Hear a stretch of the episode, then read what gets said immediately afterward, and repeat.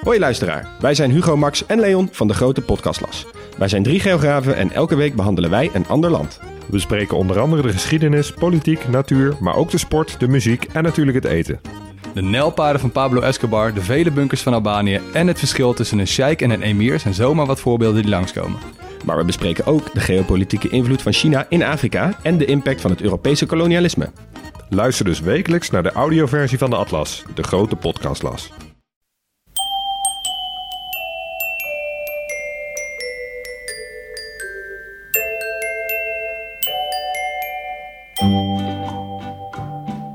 Welkom bij aflevering 195 van de Echt Gebeurd podcast, waarin waargebeurde verhalen worden verteld door de mensen die ze zelf hebben meegemaakt.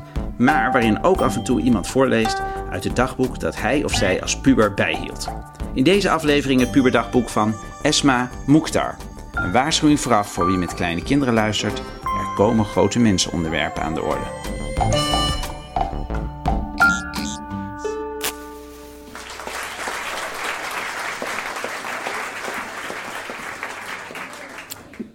Ik ben hier 15 jaar en woon met mijn chronisch zieke moeder in Groot-Ammers in een klein dorp in Zuid-Holland, aan de Lek.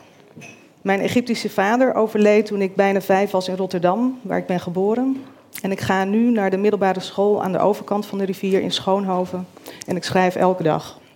Ik lees hier wat fragmenten of fracties daarvan, van wat er gebeurde of juist niet, tijdens een paar dagen in 87 en 88. 19 mei 87. Doe ik het wel goed allemaal? Ik wil niet dat ik later denk dat het anders had gemoeten. Dit is eigenlijk een rare gedachte. Je kunt jezelf achteraf geen verwijten maken, geloof ik. Want zo ben je en zo doe je het op dat moment. En daar is niks aan te doen. Maar ik sta toch wel stil bij van alles, zoals met Gus. Ik ben boos, zij is boos. Of nee, eerder koppig. En we hebben elkaar nog niet nodig gehad sinds gisterochtend. Het kan me ook even niet zoveel schelen. Ik weet dat ik van haar hou en ik wil haar van mij houden. Haha, woordgrapje. Als we maar niet te veel op elkaars lip zitten, gaat het ook prima.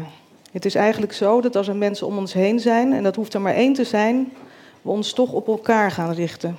Maar dan tegen elkaar in. Als we samen zijn, zijn we veel vrijer, volwassener en gaat het gewoon. Echt, dan is het volmaakt. Maar op school? 20 mei, half twee, op school. E heeft zelfmoord gepleegd, godverdomme. Maar ze leeft nog. En dat was ook haar bedoeling, denk ik. Het gaat nu met me. Vanmorgen was het verschrikkelijk. Ik vertelde het voorzichtig aan Jessica. Die was meteen helemaal overstuur. Het is ook heel erg. Maar ik denk dat ik begrijp wat er gebeurd is. En waarom. Ja, nu gaat het wel weer. Half zeven. Ik hoorde het van Mercedes, die zit bij E in de klas. Ik kon er redelijk over praten toen. Voor het eerste uur vond ik dat als Jessica het nog niet wist, ze het moest weten. Ik liep jankend met haar mee de klas uit. Evelien kwam erachteraan, ik viel in de gang op de grond. Jessica stoof met Evelien weg. De voor, van scheikunde, was heel lief voor me en van de veen.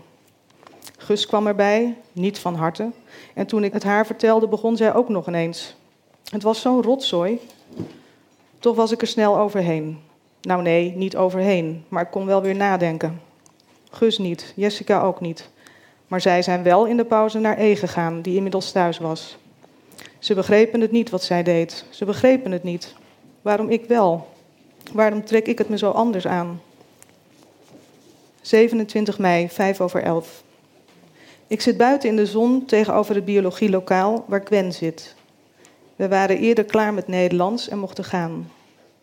Er lopen twee eenden voorbij. Ik zag Gwen net even. Nu ook een kraai. Nog een kleinere kraai en een mus. Ik zei liefie. Ze verstond het niet. Straks geschiedenis.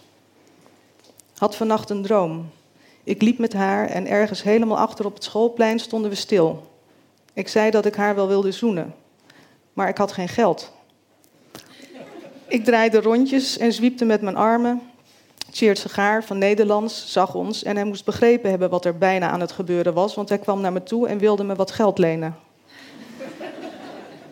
En er was een brief. Ik weet niet of ik hem haar had gestuurd of zij hem aan mij, maar achterop was een rode mond geplakt.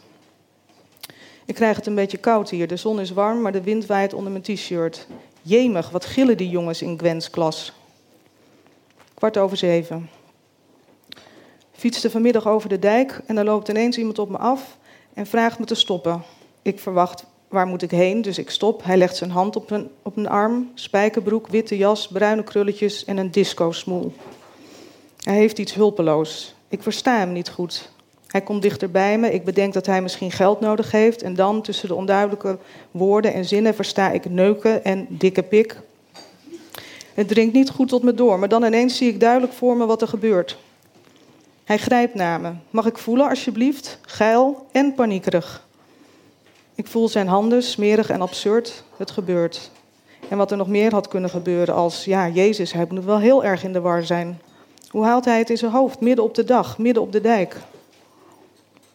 Terwijl hij zo in me stond te knijpen, mijn fiets gelukkig nog tussen ons in, heeft hij wel meer dingen gezegd en gevraagd, maar ik weet het niet meer. Het ging zo snel. Nee, doe maar liever niet, doe maar niet, doe maar niet, zei ik. Of gilde ik? Nee, ik bleef heel rustig, geloof ik. Ineens liet hij los, draaide zich om en liep van me weg. Ik, ik kreeg bijna medelijden. Ik ben snel doorgefietst alsof er niets was gebeurd. Ik heb het niemand verteld, ook mama niet. Ga ik niet doen ook. Ik schaam me en een praktische reden is dat er dan altijd weer door haar op teruggekomen kan worden als ik weer eens avonds laat naar huis moet fietsen.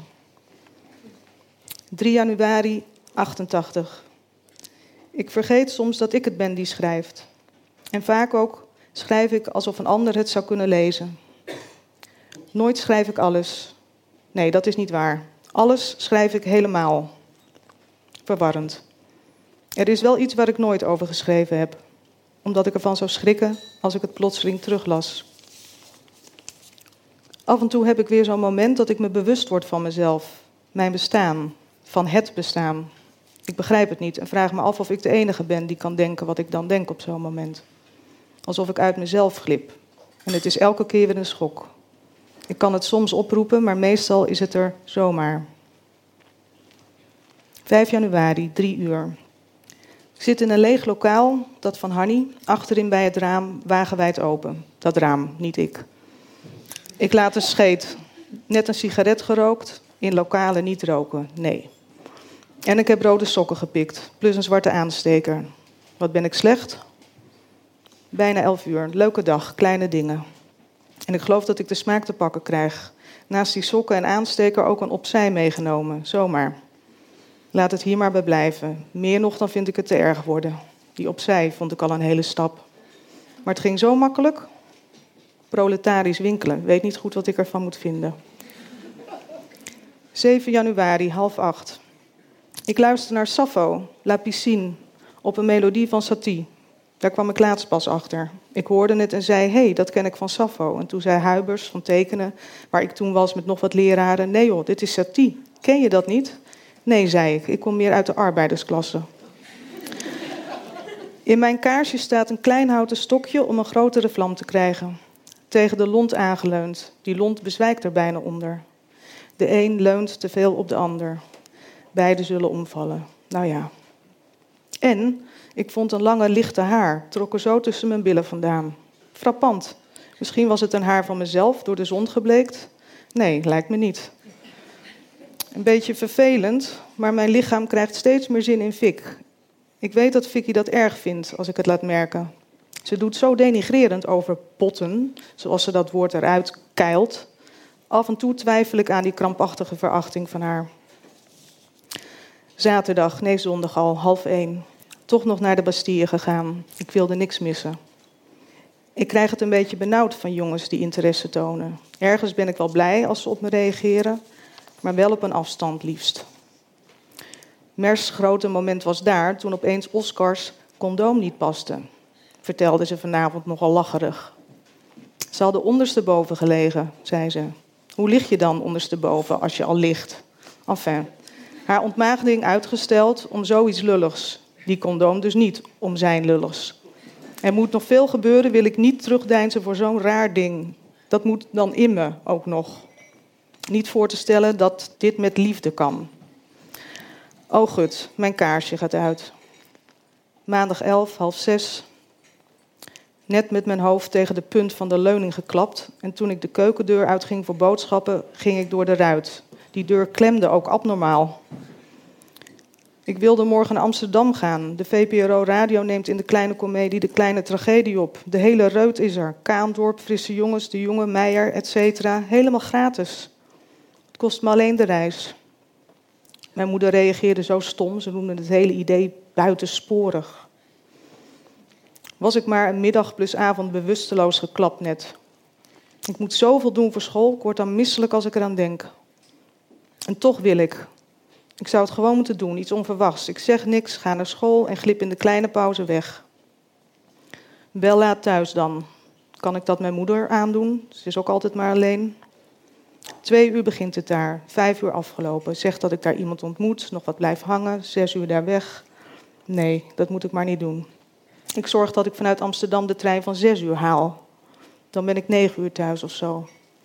Maar ja, ik heb zo'n behoefte aan iets buitensporigs.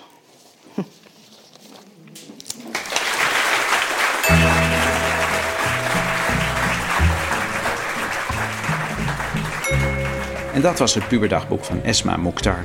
Esma studeerde filosofie in Amsterdam, publiceerde onder andere over beeldende kunst en ging lesgeven op diverse kunstacademies. In haar vrije tijd is ze programmamaker voor Poëziecentrum Perdu in Amsterdam en werkt ze aan een roman. Echt Gebeurd wordt elke derde zondag van de maand opgenomen in Toemler, de comedyclub onder het Hilton Hotel in Amsterdam. Als jij twijfelt of je ook een keer een verhaal zal komen vertellen, of om net als Esma uit je puberdagboek voor te lezen, aarzel dan niet om contact met ons op te nemen. Zondag sprak ik na afloop van Echt Gebeurd drie bezoekers die zeiden dat ze de sfeer in Toemler veel informeler en gezelliger vonden dan ze hadden verwacht. Verhalen vertellen en voorlezen bij Echt Gebeurd is vooral leuk dus. En we kunnen Echt Gebeurd alleen blijven maken als jullie, de luisteraars van de podcast, het ons laten weten als je een verhaal denkt te hebben. Dat kan via onze website www.echtgebeurd.net. De redactie van Echt Gebeurd bestaat uit Paulien Cornelissen, Rosa van Toledo, Maarten Westerveen en mijzelf, Mieke Wertheim. Productie Eva Zwaving, zaaltechniek Jasper van Oorschot, podcast Gijsbert van der Wal. Dit was aflevering 195. Dank voor het luisteren. En als je nou ooit besluit om proletarisch te gaan winkelen voor rode sokken en een zwarte aansteker bijvoorbeeld, vergeet dan niet om ook een opzij mee te pakken.